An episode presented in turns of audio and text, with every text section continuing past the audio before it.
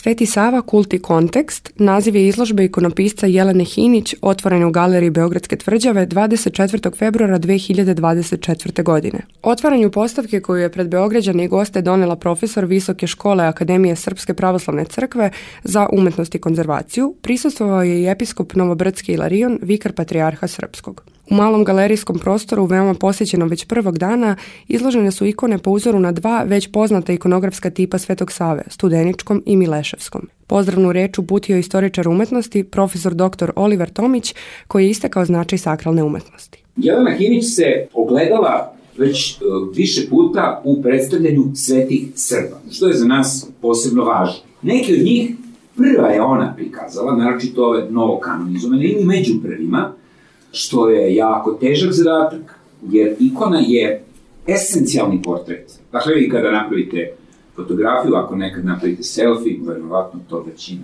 ponekada i uradi, Uh, dakle, onda imate, uh, to je kao portret, jel? ali uh, ikona je suštinski portret jedne ličnosti, jer prikazuje osobu koja je na ikoni na neki način već u telu budućeg veka.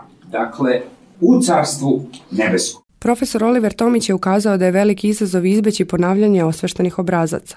Ako je Jeleni bilo uh, teško da prosto stvori nove ikonografske obrazce za, na primer, uh, Vladiku Nikolaja ili Avu Justina, koji su relativno skoro kanonizovani, ništa manje teško nije ni slikati Svetog Savu, koji je toliko i toliko puta prikazivan, a da to ne bude neka vrsta kopije ili replike nečega što je već viđeno.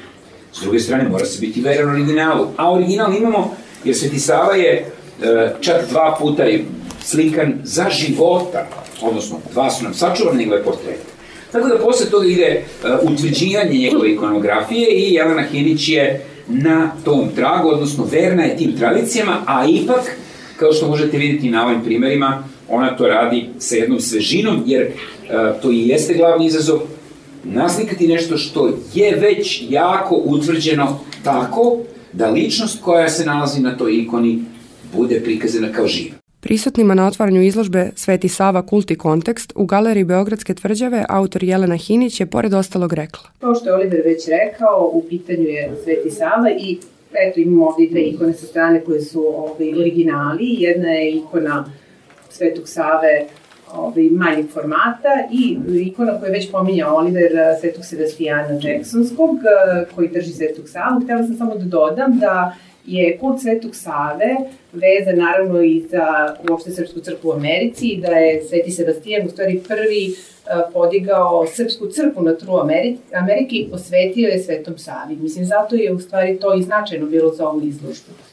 Imali smo priliku da razgovaramo sa Jelenom Hinić koja je za naše slušaoce detaljnije pojasnila svoj pristup, cilj i sadržaj postavke. U pitanju je izložba koja je deo mog, da kažemo, doktorskog umetničkog projekta, a koji se bavi u stvari E, ikonom, odnosno kultnim kontekstom ikone i to baš na nekim, da kažemo, ličnim, odnosno na primjerima tog ličnog stvaralaštva ovaj, gde ja u stvari, da kažem, kroz neko istraživanje, ali mislim, svako istražuje ko radi, znači nisam ja sad nešto tu, da kažem, da se izdvajam, znači bilo ko se ozbiljno bavi ikonopisom ili slikarstvom ili bilo kojim drugim poslom, je naravno uvek ovaj, istraživač i uvek se prosto bavi time kako na koji način da mislim iznese ono što uopšte taj materijal može da mu ponudi. U ovom slučaju, kada je u pitanju Sveti Sava, koji je to, da kažemo, nama najznačajnija ličnost u, da kažemo, celoj našoj istoriji, ovaj, i u naravno kada je u pitanju naša duhovnost. Znači, Uh, ja sam nekoliko različitih ikona Svetog Save, odnosno tipova ikona Svetog Save radila i onda sam to na neki način probala da prezentujem publici, da se prosto napravi jedna, da kažemo, celina koja je inače vrlo sažeta zato što je u pitanju mali prostor, vrlo, vrlo mali prostor u Beogradskoj tvrđavi u kapiji, odnosno u Sahat kapiji, to je, znači, opet, kao što sam rekla, jedna mala galerija, ali koja je u stvari mogla da, kako bih rekla, da, da primi, da sažme te recimo neke radove koji bi prosto prikazali Svetog Savu na različite načine, ima tu recimo nekih uvećanih uh, fotografija, formata, ima čak i ovih ikona koje su originalne ali jednostavno prosto jedan prikaz portreta Svetog Save. Izložba Sveti Sava Kulti kontekst u galeriji Beogradske tvrđave traje do 13. marta. Možete je posjetiti svakog radnog dana osim ponedjeljkom od 10 do 17 časova.